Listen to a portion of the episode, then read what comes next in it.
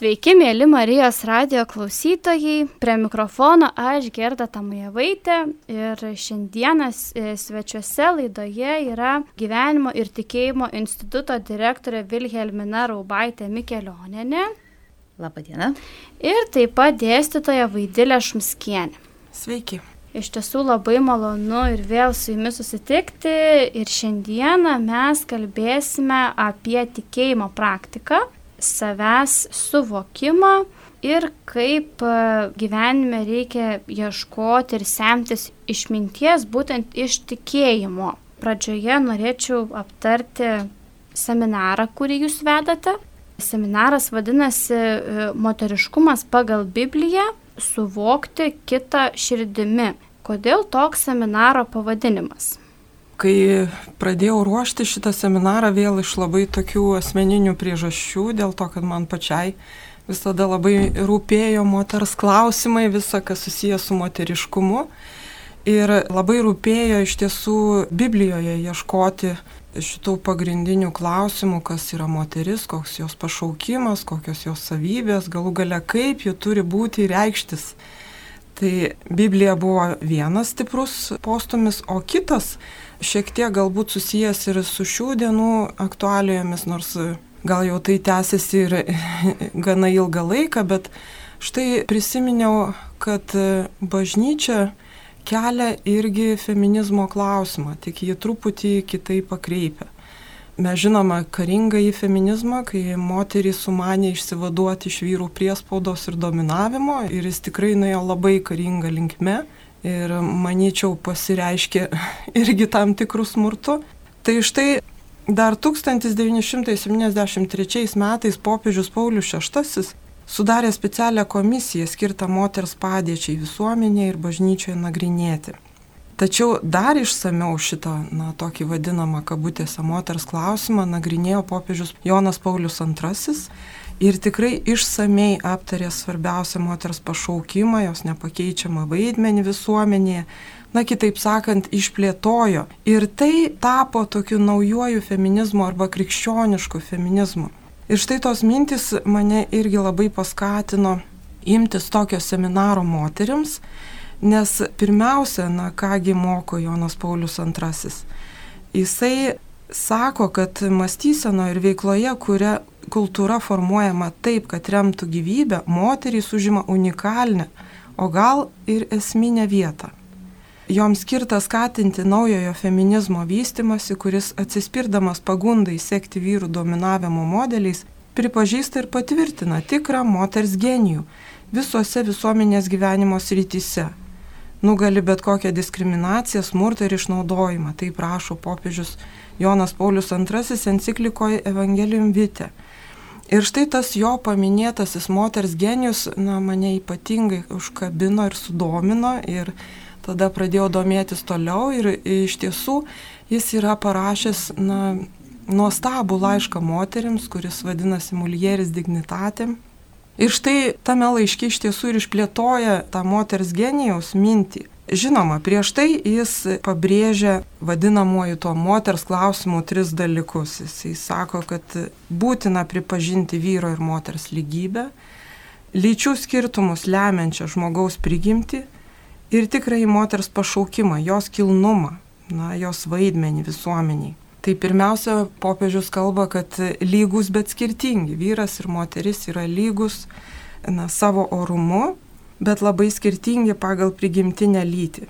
Na ir iš tiesų skaitau popiežių ir man vėl skamba šios dienos aktualios, ne, kai mes vėl pradedame bejoti, na viešajame diskurse pradedame bejoti ar ta lytis jau yra nepakeičiama, o gal galėčiau užsinorėti ir ją pasikeisti, o kokia mano tikroji tapatybė, na daug, daug žmonių patiria tokias tapatybės ieškojimus. Tai štai popiežius rašo, kad žmogaus lytis yra lygiai vertės, nėra žemesnės ar aukštesnės viena už kitą. Ne žmogaus valioje pasirinkti lytį, todėl ji nėra kultūros nulemta. Taip sako popiežius cituoju tokio būta Dievo plano. Dievas sukūrė žmogų pagal savo paveikslą ir panašumą. Pagal savo paveikslą sukūrė juos vyrą ir moterį. Ir ši struktūrinė žmogaus kaip savo lyties žmogiškojo asmens savybė yra labai svarbi vystantis asmenybė. Ji visuomenės pagrindas, tai prašo Jonas Paulius II. Ir toliau tęsia, kad žmogus iš prigimties yra atviras kitam žmogui. Na, kad yra tiesiog pati žmogiškumo esmė - dovanoti save kaip asmenį. Tai yra samoningai ir laisvai apsispręsti, mylint atsiduoti kitam. Ir jis kalba tada apie tą dviejų vienybę, kuri yra tarp asmeninės bendrystės ženklas. Na iš tiesų labai gražios popiežiaus mintis, kad žmogus iš tiesų gyvena dėl kito žmogaus ir patį save autentiškai suvokia ir atpažįsta tik tai santykėje su kitu žmogumi. Ir kad tai labai primena dievišką trejybę, na, tą panašumą kaip Dievo asmenių vienybė, trejybė yra, taip ir žmonės, vyras ir moteris susitinka toje vienybėje. Na ir grįžtant prie moters genijaus, tai popiežius sako taip, kad tai pirmiausia yra meilės genijus, samoningas ir savanoriškas buvimas dėl kito žmogaus. Ir toliau noriu dar pacituoti, kad kasdien aukodama save kitiems, moteris įgyvendina giliausią savo pašaukimą Galbūt jį labiau nei vyras vertina asmenį, nes žvelgia į jį širdimi. Moteris mato žmogų nepriklausomai nuo ideologinių ar politinių sistemų, mato jo didybę bei ribotumą ir stengiasi jam padėti. Tas moters genijus, labai šitos mintis man patiko, atrodo, kad tai tokia didelė siekiamybė, labai aukšta siekiamybė ir visgi Manau, kad tai yra įmanoma. Dėl to ir seminaro pavadinime atsirado antroji dalis - suvokti kitą širdimi. Būtent dėl tos priežasties. Nuo kokio amžiaus maždaug na moteris jau gali dalyvauti šituose seminaruose? Aš manau, kad mūsų klausytojams tai yra na aktualu ir svarbu.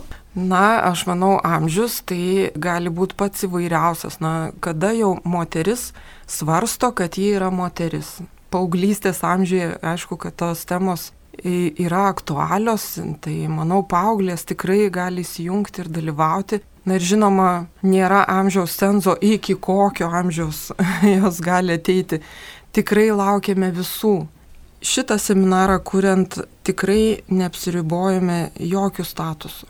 Tai yra, kad šitą klausimą, moters pašaukimo klausimą, tokį autentiškai svarstyti yra kviečiamos visos, nepriklausomai ar jos ištekėjusios, ar neištekėjusios, galbūt pasirinkusios vienuolinį gyvenimo būdą, gal pašvestą į gyvenimą, galbūt yra labai didelės kokios nors visuomenės veikėjos, o gal jaučiasi labai pilkom pelytėm, gal yra labai vienišos, jaučiasi atskirtos, ypač dabar šios pandemijos metu. O gal kaip tik gyvena triukšme ir tame triukšme neranda savo tapatybės. Žodžiu, laukiamos visos.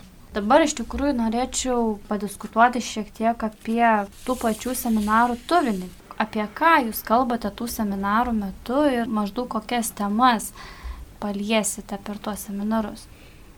Kaip jau užsiminiau, Biblija čia tikrai yra mūsų na, vedamoji žvaigždė ir kai pradėjau domėtis, net nustebau, kad Biblijoje tiek daug istorijų apie moteris.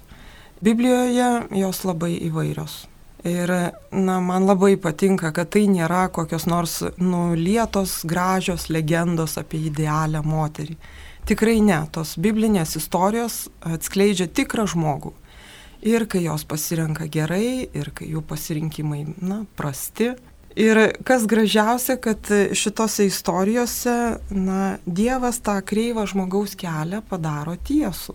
Tai va tas mums ir bus seminarų metu aktualiausia - žvelgti į tas moterų istorijas, į jų pasirinkimus. Tikrai žiūrėsime ir į Seną, ir į Naują Testamentą, tai na, Sara, Ruta, Tamara, Estera. Žiūrėsime į Oną, į Mortą, Mariją. Pagrindinės tos mūsų temos bus susijusios su šių moterų istorijomis ir kiekviena e, ta istorija iškels mums tam tikrų moters savybių kurios, e, manyčiau, yra gana universalios, tokios kaip grožis, vaisingumas, džiaugsmas, galbūt svetimumas, ryštingumas, intuicija gal gale, vidinė karalienė. Ir štai tos savybės ves mus ieškoti, o kokios man savybės yra brangios ir svarbios, kaip aš atrandu savo moteriškumą. E, bet manau, kad na, nemažiau svarbu yra išgirsti ir sužinoti, o koks yra na, šių seminarų tikslas ir kokią naudą gaus to seminaro dalyvės. Pirmiausia, tai bus proga atsiversti šventą įraštą ir pažvelgti jį moters akimis. Manau, kad esame girdėję ir suprantame, kad šitie tekstai rašyti senai, kad tai buvo patriarchalinėje visuomenėje, kad tai vyrų rašyti tekstai. Ir vis dėlto tai yra Dievo žodis ir jis kalba moteriams. Tai štai kviesiu atsiversti šventą įraštą, moterų istorijas ir pažvelgti į jas kaip į Dievo žodį man, kaip moteriai. Per jau minėtas tas moters savybės ieškosime iš tikrųjų savo giliųjų troškimų, savo poreikių dažnai atpažįstu, kad moteriams yra gana sunku atpažinti savo poreikius. O jų nežinodamos tampėme rūščios, piktos, tužmingos, nepatenkintos, galbūt užsidarę, užsiskleidę nuo savo šeimos narių, nuo aplinkinių, galbūt jos kaltinami. Iš tiesų ieškosime kartu, kokie gali būti gilūs troškimai, kokie tie mūsų poreikiai Ir dėl to, kaip jau sakiau, yra laukiamos visos moterys, kurioms tik tai aktualu pažvelgti į tikrąjį savo moteriškumą, į krikščionišką moteriškumą. Kai pradžioje galėjo skambėti tokie aukšti idealai aukotis dėl kito, tai kaip tas įmanoma? Va, būtent ir žvelgsime į tos mūsų poreikius, į galimą jų atliepimą ir kaip autentiškai tikrai gali tas moteriškas pašaukimas išsiskleisti. Manau, kad reikėtų šiek tiek pakalbėti apie tai, kokie yra būtent to seminaro moteriškumas pagal Bibliją metodai patys. Kaip jūs bendrausite, kaip jūs kalbėsite, na, kokios veiklos tiesiog bus tų seminaro metu atliekamas ir galbūt, na, pakalbėkime šiek tiek ir apie tos nuotolinio na, mhm. sakysim, seminarų organizavimo iššūkius, kas trukdo, o galbūt yra dalykų, kurie tiesiog na, padeda e, vesti tuos seminarus ir kažkaip prakalbinti tas moteris. Taip, iš tiesų būdavo e, labai smagu susirinkti į grupę ir dalintis, kalbėtis, dirbti grupėse, galbūt e, daryti kokius nors dailius darbus, piešti. Ne, gal, na, tai yra labai smagu ir, ir moteriams labai paprastai priimtina.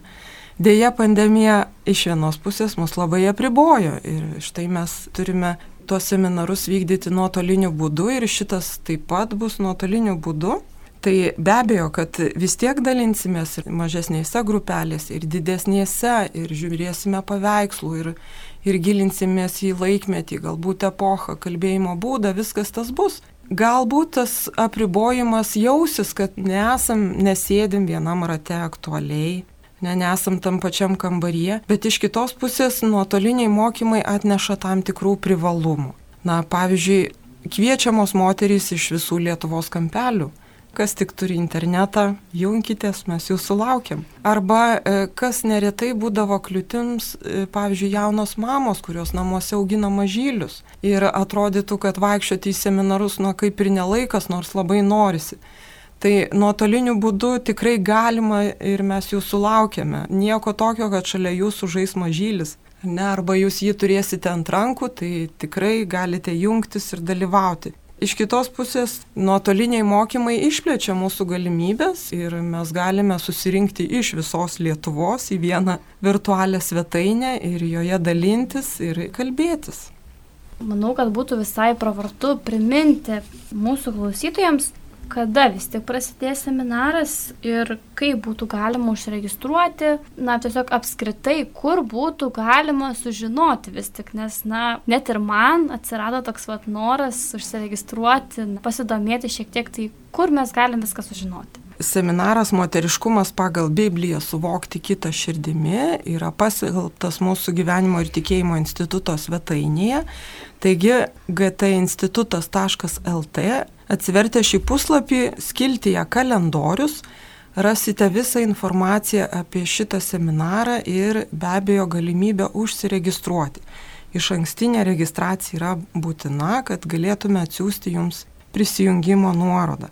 O seminaras prasidės balandžio 13 dieną, 17 val. yra pirmasis susitikimas. Visas seminaras susideda iš aštuonių susitikimų antradienių vakarais 17 val. Taigi laukiame visų, registruokitės. Apie seminarą yra paskelbta ir Gyvenimo tikėjimo instituto Facebook'o paskyroje ir taip pat, kas vyksta Kaune renginių skiltyje, tai galite rasti. Ačiū Jums, aš manau, kad tikrai klausytojams iškilo tam tikrų minčių ir norų ir aš manau, kad tikrai na, sudominote pažinti save, suvokti, kokia apskritai yra mano vieta šiame pasaulyje kaip moters, kaip merginos, tai iš tikrųjų na, labai tikrai įdomu, manau, ir tikrai na, iš ties labai naudinga. O dabar norėčiau plačiau išgirsti apie vadinamąją krikščionišką meditaciją. Manau, kad išgirdus žodį meditacija gali kilti tam tikrų sąsajų su rytų pasaulio. Kuo būtent ta na, krikščioniška meditacija skiriasi nuo būtent rytų dvasingumo praktikų?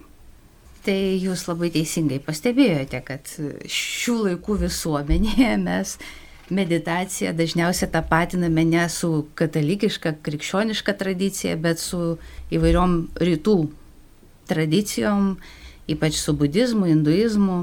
Tačiau labai daug matome organizacijų, kurios savo darbuotojams organizuoja meditacijos mokymus ir tai yra daugiau susiję su tuo susikaupimu, samoningumu, įsisamoninimu.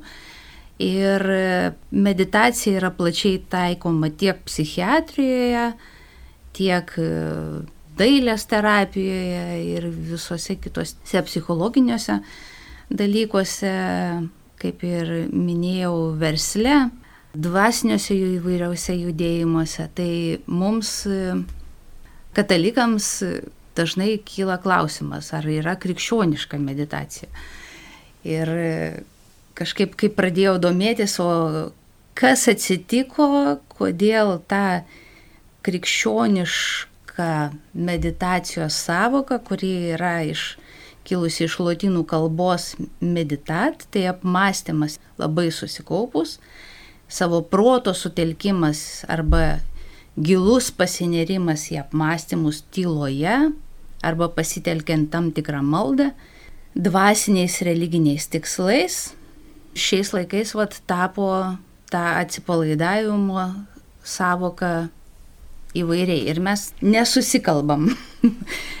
Taigi nuo labai senų laikų krikščionybė turėjo savoją meditacijos sampratą Tai yra stovėjimas priešais Dievą visiškai ištuštinus savo dvasę.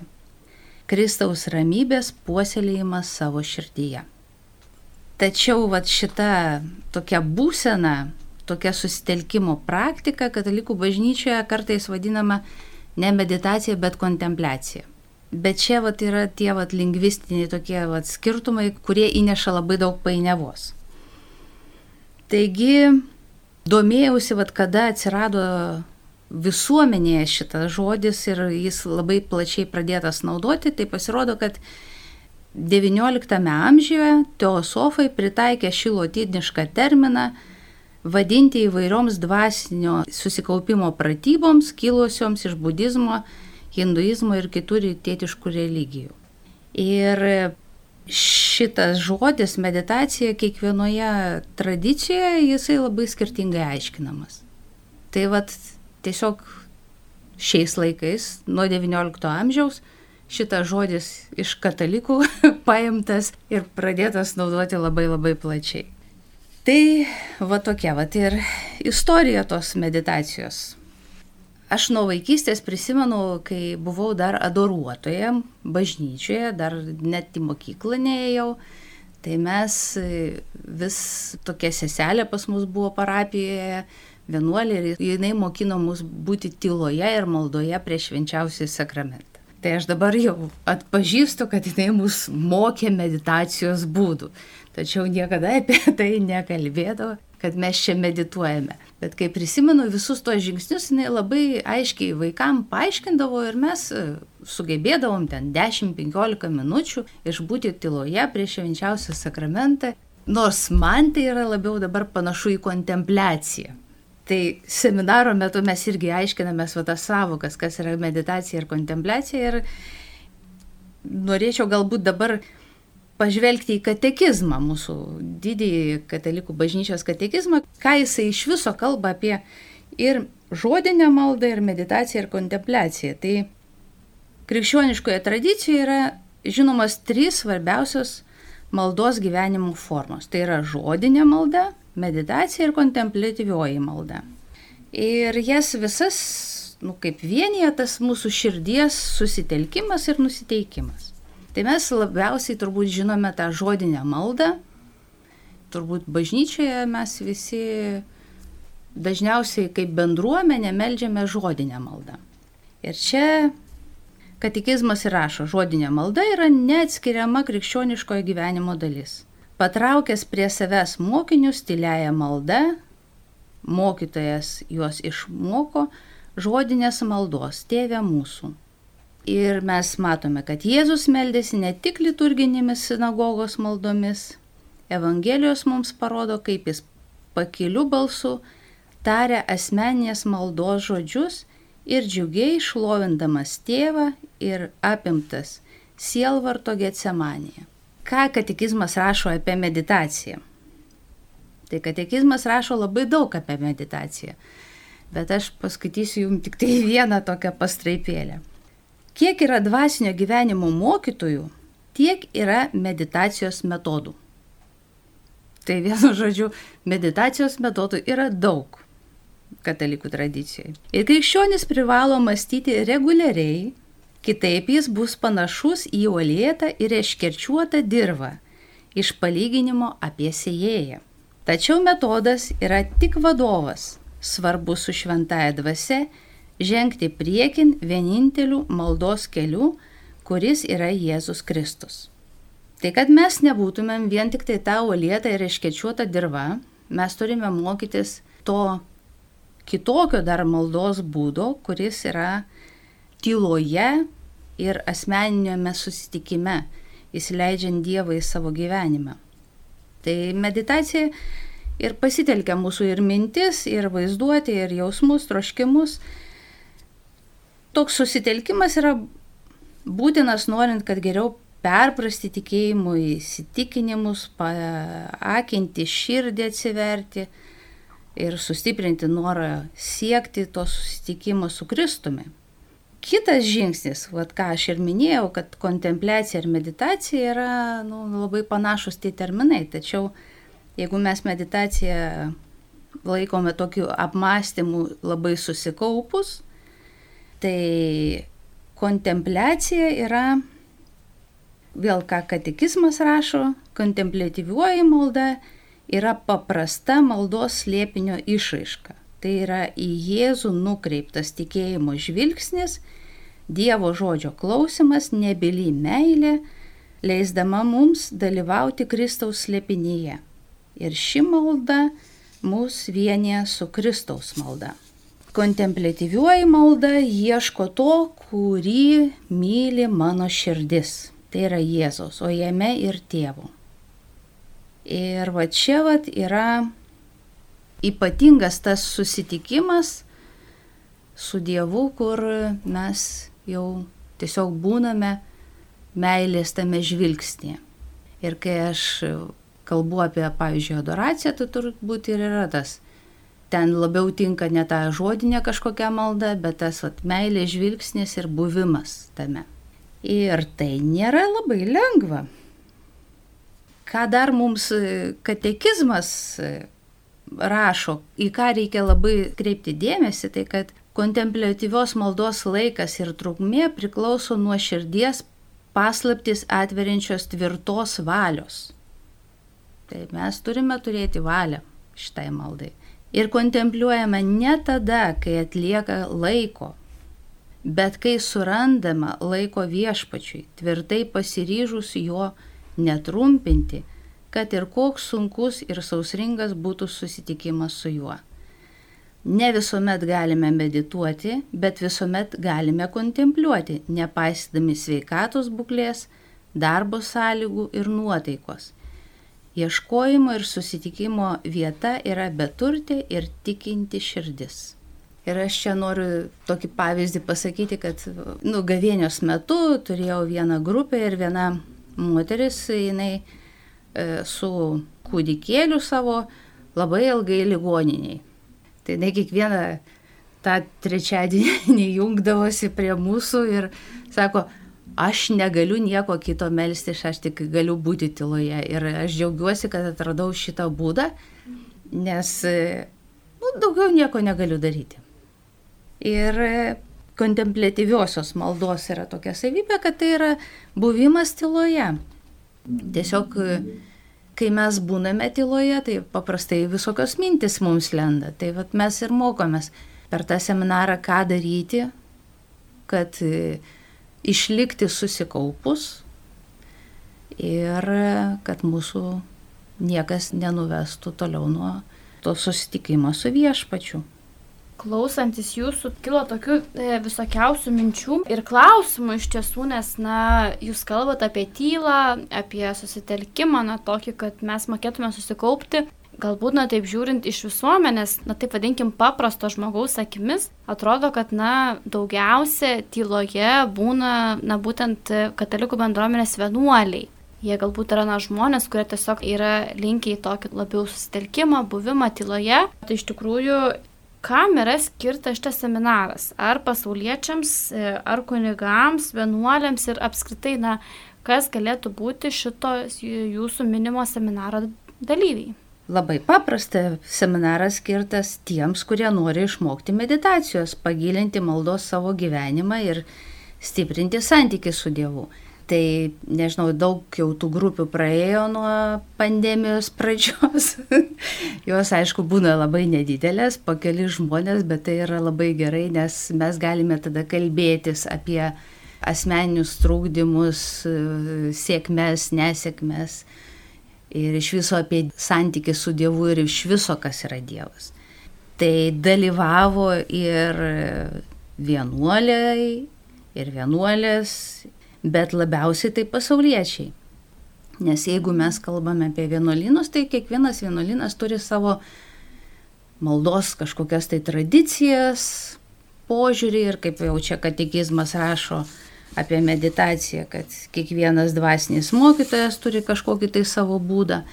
Tai čia mes kalbame daugiau kaip vat, mūsų kasdienėme gyvenime, šeimoje mes galime kartu melstis šitą tylėją maldą ir galbūt kartu net su vaikais, nes turiu tokios praktikos, kai mokytojai ateina iš tos seminarus ir po to jie vaikus moko e, meditacijos būdų tyloje. Aš pati daug metų dirbau ateitininkų stovykloje Berčiūnuose, tai ten vesdavau meditacijos vaikams burelį, jie labai puikiai įsijungia į šitą procesą ir mokosi, nes aš tikrai turiu tą patirtį nuo, nuo vaikystės, tylos maldos. Tai. Bet kaip ir rašo katekizmas, kad turi turėti valios ir skirti laiko. Pirmiausia, laiko skirti.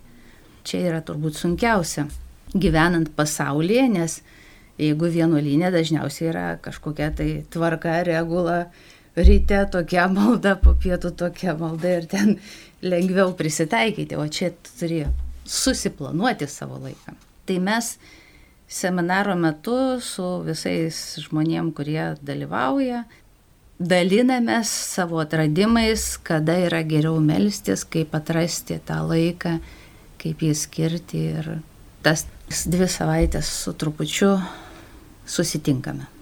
Aš manau, kad vis tik e, mūsų klausytojams tikrai yra įdomu sužinoti ir išgirsti, na, kaip vis tik vyksta tie seminarai, nes e, išgirtų žodį meditacija, tai, na, kaip ir miniu, kad, na, vis tik kažkaip siejasi, na, su kita galbūt kultūra, su kitom tradicijom, bet kaip, va, pagal katalikų bažnyčią, kaip tie seminarai vyksta. Tai man ir norėjosi šituo seminaru pasakyti tai, kad tai yra katalikiška tradicija nuo pirmųjų amžių.